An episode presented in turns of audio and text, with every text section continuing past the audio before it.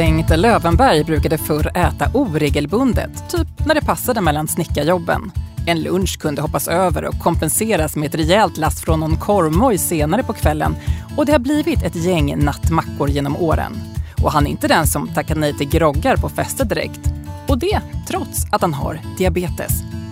Men så bestämde han sig för att ta sjukdomen på större allvar och lyckades med det som är så förbaskat svårt, att byta matvanor. I det här avsnittet av Typ 2-podden Att leva med diabetes berättar Bengt om hur han gick tillväga för att äta och dricka nyttigare utan att för den sakens skull bli en präktig och petig tråkmåns. Och vår diabetesexpert berättar vad som krävs för att lyckas med Bengts bravader. Jag som leder podden heter Anna-Karin Andersson och jag hälsar dig som lyssnar varmt välkommen. Expert i typ 2-podden är ingen mindre än Janet Lexell som är diabetessjuksköterska och docent vid Uppsala universitet. Hej på dig Janet! Hej hej! Vi ska prata om att bryta invanda mönster när det gäller mat och dryck i det här avsnittet. Eh, Janet, det är något som är lättare sagt än gjort, eller hur? Absolut är det det, helt klart. Har du personligen någon erfarenhet av att försöka byta någon vana ja. eller bli av med en ovana? Ja, det har jag. Eh, jag har ehm, gått ifrån, eh, jag har alltid eh, haft till exempel smör och, och, och då har jag gått ifrån att använda smör till att använda olja till exempel. Jag älskar glass och det är också något som jag kämpar med, ja. att inte äta glass så ofta. Någon gång får jag äta, men inte så ofta. Så att det där känner jag väl igen. Mm. Själv har jag eh, försökt byta till nyttigare bröd hemma. Mm. Jag har valt bort sånt där mm. eh, ljust mjukbröd som innehåller mm. eh, mycket socker mot lite mer fiberrikt och osötat bröd. Men då möttes jag av såna kraftfulla protester från mina barn. De bara rynkar på näsan åt de där mörka brödskivorna. Jag blir liksom motarbetad. Det blir så tydligt att barnen fått vanor som de inte vill ändra mm. på trots att de bara är i början av skolåldern. Janet, hur svårt är det inte då att byta vana man blivit lite till åren? Ja men absolut, det är ju så. Det, och det är ofta lättare att lägga till en ny vana än att ta bort en ovana. Faktiskt. Men kan man verkligen lära gamla hundar sitta? Då? Ja, det kan man. Mm. Det kan man. Eh, jag kan bara helt kort säga, min mamma var 75 år, hon är 102 idag. Och hon fick diabetes då när hon var 75 år och hon tog det på fullaste allvar och skötte sig efter konstens alla regler. Så det kan man, om man får stöd. Mm. Man brukar säga ibland att mat är som medicin. Om jag har typ 2-diabetes, på vilket sätt kan mina matvanor då förbättra min sjukdom på sikt? Att du får jämnare blodsocker som i sin tur då förbättrar risker som gör att du inte insjuknar i hjärt-kärlsjukdomar till exempel. Så det finns starka skäl till det att försöka byta matvanor med andra ord. Det gör det. Mm. Janet, vi ska prata mer om det här med att byta matvanor om en stund. Men först ska vi få höra hur Bengt Lövenberg gjorde för att lyckas med just det.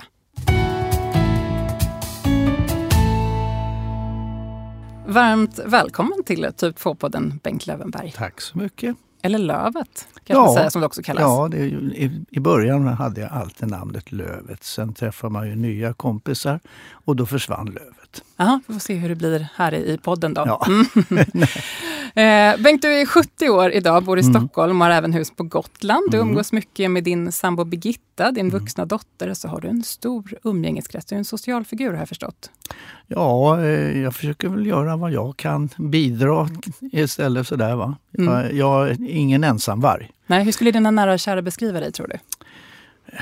Ja, han kom först och gick sist. Aha. Där har vi Bengt Lövenberg. Ja. Du, det var i samband med en hälsoundersökning genom jobbet som du fick veta att mm. du har typ 2-diabetes för ungefär 15 år sedan nu. Mm. Eh, då var du 55 och jobbade som snickare. Hur skulle du beskriva din vardag och situation då?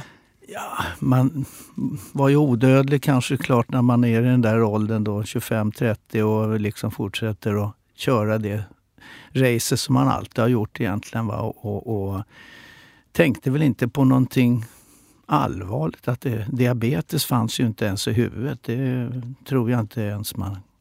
Utan i så fall skulle det vara någonting man blev upplyst om. Men eh, nej, så var det ju inte bara. Utan det var ju den här, eh, ska vi säga då, hälsokontrollen som mm. gjorde att eh, du har lite för högt socker och du ska gå till din vårdcentral och, och prata med din läkare om det.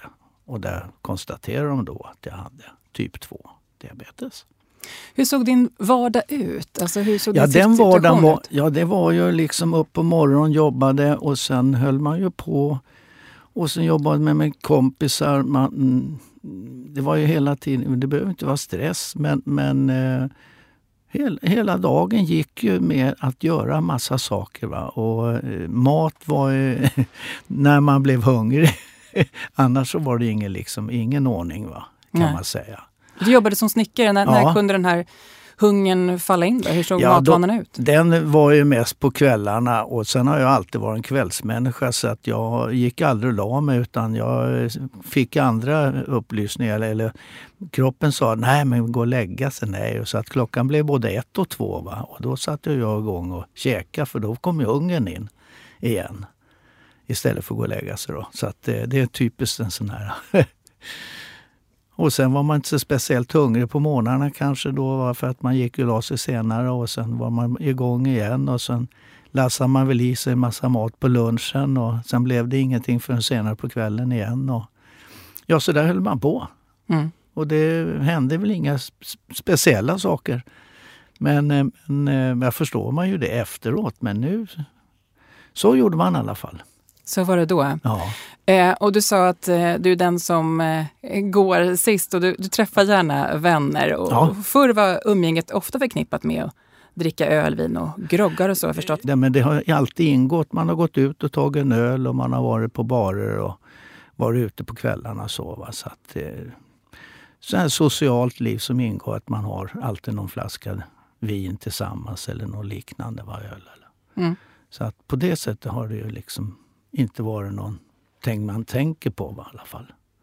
Hur, hur tog du beskedet att du fick diabetes? Ändrade det då, när du var 55, eh, de här matvanorna och ölen Mm. efter jobbet och sådär? Nej, det enda som, som var att eh, jaha, eh, nu har jag fått diabetes och då var det den här stora godispåsen som jag tyckte liksom, jaha då får jag sluta med den blandade godispåsen.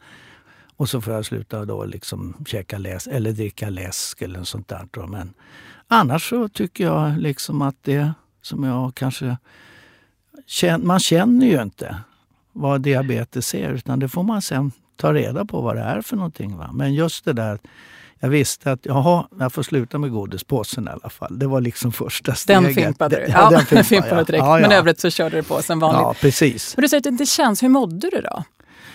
Ja, jag tyckte jag mådde bra men sen upptäckte jag väl grann att man var lite trött kanske va? och att man kissade lite grann oftare. Va? Så det var väl det som egentligen, när man väl fick reda på det här då, att, det var, att jag hade två, två diabetes då, eller typ 2. Annars så tror jag nog jag hade gått vidare. Om jag inte hade varit på den där hälsokontrollen så hade jag nog inte upptäckt något sånt där. Utan då hade man kört vidare bara. Mm. Du är med här i Typ 2-podden Mm. för att du sen ändå lyckades med det som är så svårt, nämligen att byta matvanor och Mm. göra det långsiktigt. Vad var det som fick dig att ändra dig till sist?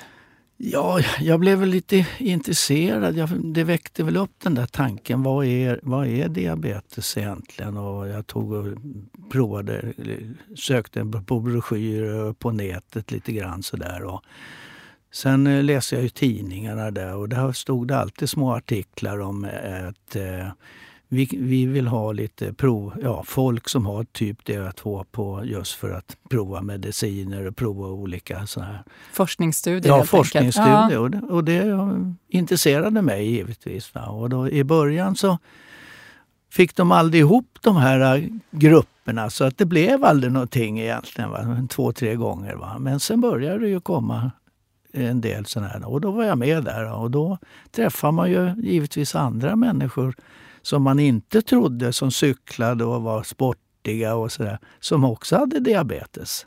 Så det gav dig en, en, en bild av eh, Ja. att vem som helst egentligen kunde ha Ja, exakt. Va? Precis. Va? Att, att det här var en, eh, nästan en folksjukdom som man inte visste någonting om. Va?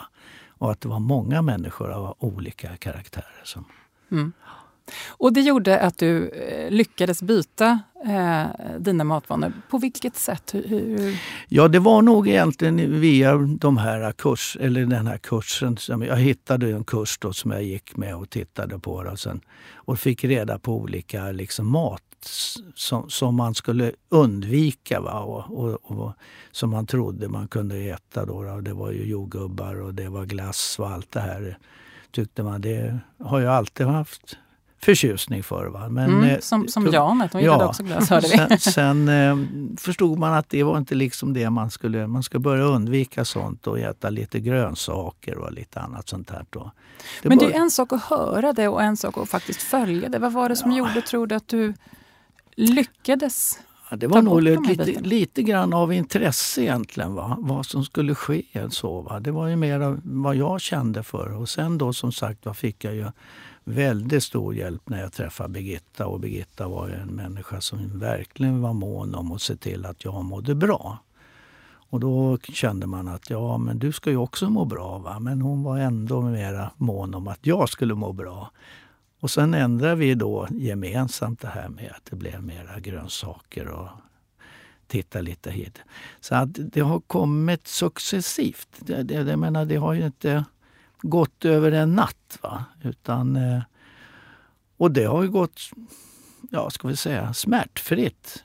De har inte tänkt på det. Nu skulle jag inte tänka på det egentligen och leta någonting annan mat egentligen. Va? Utan jag skulle kanske vilja bli ännu bättre. Mm. Men hur lång tid skulle du säga att det tog för dig? Du sa att det, det ja, successivt. Tog, Vad innebär det? det? ja, alltså från det, så måste det i alla fall tagit tio år innan jag liksom började acceptera liksom vissa saker och att jag inte kunde hålla på att äta det som jag då normalt kunde tänka mig hoppa, eller, inte hoppa över. Då, men mm. fick Vad har varit svårast då? Ja, jag tycker ju det, det är ju det här sockerbegäret. Va? Man fick sluta med socker i, i kaffet och man, man eh, kunde inte äta så många bullar och kakor. Och, Även om det var sju sorter så kunde man inte få, få i sig alla sju utan det var en fick man då ta. Va? Någon gång en lite mindre tårtbit än en stor tårtbit som tidigare var det som var smaskigt. Va? Så sådana saker tror jag, tycker jag var det svåraste egentligen. Va? Du gillar ju att umgås eh, med andra. Hur har de här livsstilsförändringarna som du har gjort påverkat ditt sociala liv? Ja, egentligen, jag har varit rätt öppen med att jag haft eh, diabetes men då har det ju alltid varit så att ah, det där var väl inte så farligt och det där kan du väl göra och det är väl inte så. Men successivt har de ju förstått att eh, vi inte ska lura Bengt på det här som han då. Han har svårt för att säga nej, Bengt. Och eh, då har det väl varit så att eh, Birgitta har varit det stora stödet och sagt att han har faktiskt diabetes och han ska inte ha de här sakerna. Och då har ju jag accepterat det Birgitta säger, sig självklart. Så att det har ju blivit eh, en gemensam... Så att det har inte varit några större problem med, med tiden. Men i början var det ju problem. Va? Utan då tog man in en öl till extra fast man inte själv hade beställt den. Utan det var ju som när man var ute. Alltså. Så alla beställde och så vart det ännu mera på under kvällen. Och det har man lärt sig att säga nej till. Eller? Tack för att du delar med dig av din berättelse Bengt. Vi ska prata mer om en liten stund. Mm. Men nu ska vi få höra vad vår expert Janet Lexell har för tankar kring din resa och vad som kan få fler att kanske gå samma väg som du.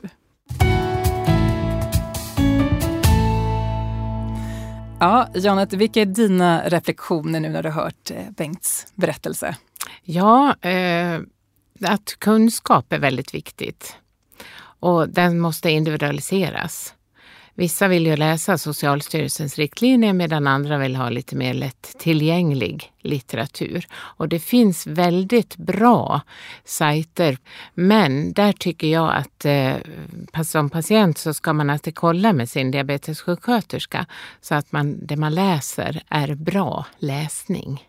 Så man får lite hjälp med källkritiken och hitta de bra Precis, länkarna. precis mm. så.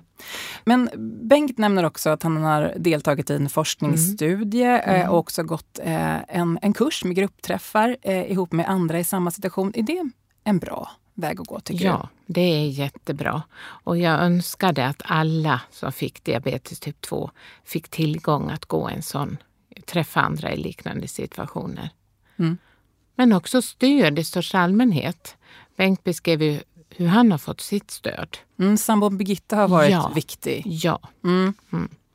Det finns ju många kurser och företag som utlovar att de kan hjälpa till med livsstilsförändringar.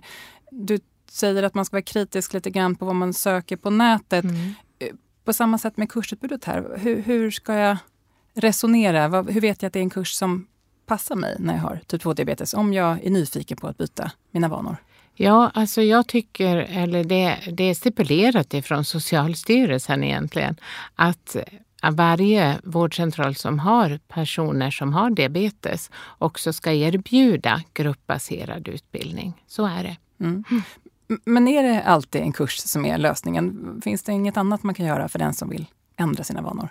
Jo, det är såklart att det gör. Eh, att, men jag- alltså jag menar att grunden i den här sjukdomen är kunskap. Om du inte har kunskap så vet du inte vad du ska göra heller. Men sen handlar det om att kunna planera, att ha regelbundenhet, att inte utsätta sig för att du blir hungrig till exempel. Eh, att du hela tiden har det tänket med dig. Och det tar sin lilla tid. Mm. Eh, Om jag försöker byta vanor men sen råkar falla tillbaka unna mig lite för mycket, vad, vad gör jag då? då? Ja, men det är ju mänskligt och då är det bara att ta nya tag. Mm. Ja. Det är bara att börja om. Ja, det är bara att Inte börja om. upp. Nej, man ska inte ge upp. Nej. Nej. Eh, som sagt, du var inne på Bengts fina stöd som han får från sin eh, sambo. Vad kan familj och anhöriga ha för betydelse för den som vill göra livsstilsförändringar? Ja, alltså de har ju väldigt viktig funktion. Men eh, det kräver ju också att man får rätt sorts stöd. Ja, Mm. Vad gör man om de där hemma inte är så pigga på de där förändringarna? Ja, ja, då måste man prata med sin diabetessjuksköterska om det och kanske bjuda med sin närmaste familj till ett besök så att man får tala om sjukdomen och ställa frågor. Alltså de också får De får förståelsen? de också få förståelse, ja precis. Mm. Om man lever ensam då, hur, hur kan ens försök att ändra vanor påverkas av det? Ja, eh, det är klart att det, det, det kräver mer av dig själv då, att vara ensam. Å andra sidan sett så, så kan du planera och lägga upp din dag precis som du vill då. Och här tycker jag återigen att gruppen är ett viktigt stöd. Och ofta när man träffar, när man har sådana här gruppbaserade patientutbildningar så är det så att de delar telefonnummer och sen att de träffas och hör av sig till varann efteråt. Vi har även varit inne på dryck när vi pratat om att Mm. byta matvanor här. Eh, vad har mina dryckesval för betydelse om jag har typ 2-diabetes? Ja, eh, alltså det går jättebra att dricka vatten. Och vatten är olja. Man kan göra, fräscha till vattnet med lite frukt i och man kan ha lite bubbelvatten. Eh, det, är, det är den främsta drycken skulle jag säga. Ja. Och alkoholen, ska den slopas helt? Nej, eller? nej, nej, nej, det behöver man inte göra. Men man måste ju ha koll på sin diabetes för att alkohol eh, påverkar ju blodsockret. Mm. Men det här med alkohol kan nog vara en minst lika svår sak att ändra på som kosten även för den Ja. som inte har eh, Mm. beroendeproblem. Mm. Alkohol är ofta förknippad med trivsel och umgänge. Ja. Man tar en öl efter jobbet. Det är inte ofta man tar ett glas vatten efter jobbet. Nej, det är det inte. Eh, Hur ska man resonera och tänka kring livet i stort när man går in för att byta vanor? Ja, men jag tror väl ingen går ut och tar en öl varje dag efter jobbet. Utan den gången man gör det så får man väl göra det, tänker jag. Ja, det är ju klart. Men den där gången då när jag ska ut med Mm, kompisarna mm, mm. Eh, och så har jag typ 2-diabetes och så kommer det in då en, en sån här stor kavaflaska till bordet som, som ska delas. Vad gör jag då? Hur, hur hanterar jag den situationen? Mm. Det är ju inte så enkelt förstås. Men ehm, det beror ju på hur, hur väl man känner sina kompisar också. Och då får man väl kanske ta lite i glaset då. Mm? Det göra, kan väl en, vara ett sätt. göra en Silvia. Göra en Silvia, ja. ja. Drottningen är bra ja på att smutta. man får ju vara lite smart så.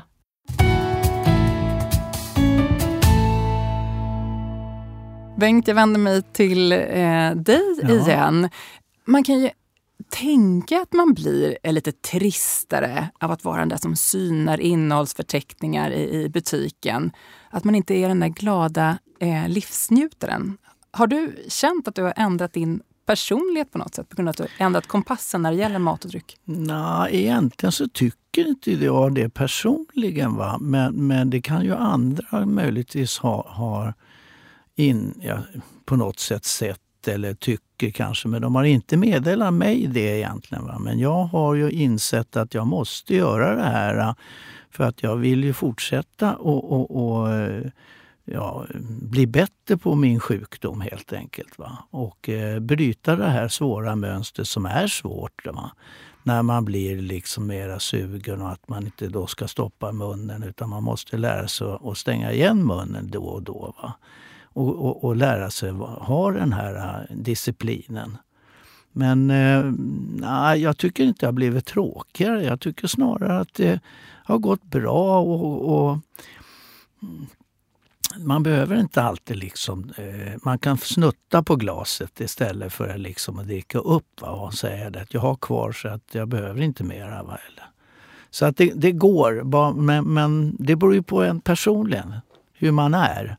Har du hittat också andra sätt att umgås som inte är förknippade runt den här groggen som det kunde vara tidigare? Ja, det har jag. Det tycker jag. Va? Det är helt andra. De, de, eh, jag är ju som sagt var hantverkare och då vill de ju alltid ha lite kunskaper och vi hjälps åt och så. Då, då behöver inte den där groggen komma fram. Va? Och kommer den fram på kvällen så dricker jag inte det helt enkelt. Va? Så grogg eller starksprit är helt borta för mig numera. Va? Utan det kan bli en öl och, och kanske ett glas vin och så. Mm.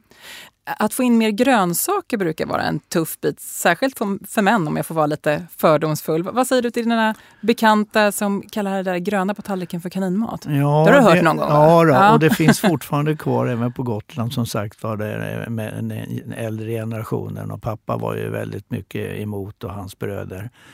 Men det, ja, jag tyckte om det, men mer och mer så tycker man om det. Jag behöver inte de här potatisarna och lite tyngre mat utan nu är grönsaker för mig väldigt tillräckligt. Och jag har ju gått ner lite grann så att magen har blivit mindre så att den blir mätt på grönsaker. Det behövs inte vara så mycket annat som ska in i magen. Va? Så att man lär sig så småningom att man äter med måtta. Man behöver inte ta ett lass till. Mm. Det är någonting som man har lärt sig. Lite mindre midjemått nämner du. Ja. Är det något annat som du märker på grund av dina ändrade matvanor? Ja, man är piggare på mm. det sättet egentligen. Va? Dygnet runt. Och på det, alltså, jag menar, man känner sig i alla fall eh, mindre både trött. Det, att jag, annars så tycker jag inte att jag har... Eh, ja, det, det är lite skillnad att man inte äter så mycket. Man blir aldrig så där proppmätt som man var tidigare. Man åt tills man inte ville ha något mera. Va? då tog det en stund innan man ville ha mat igen. Va? Men, utan lagom har du just den här biten att man, som du sa, det är frukost och det är ett äpple och det är en liten lunch. Den här regelbundenheten? Ja, regelbundenheten tycker jag är kanon. Mm. Men det tar sin tid att byta ja. eh, vanor. Vad kan jag ha som morot och mål, Janet?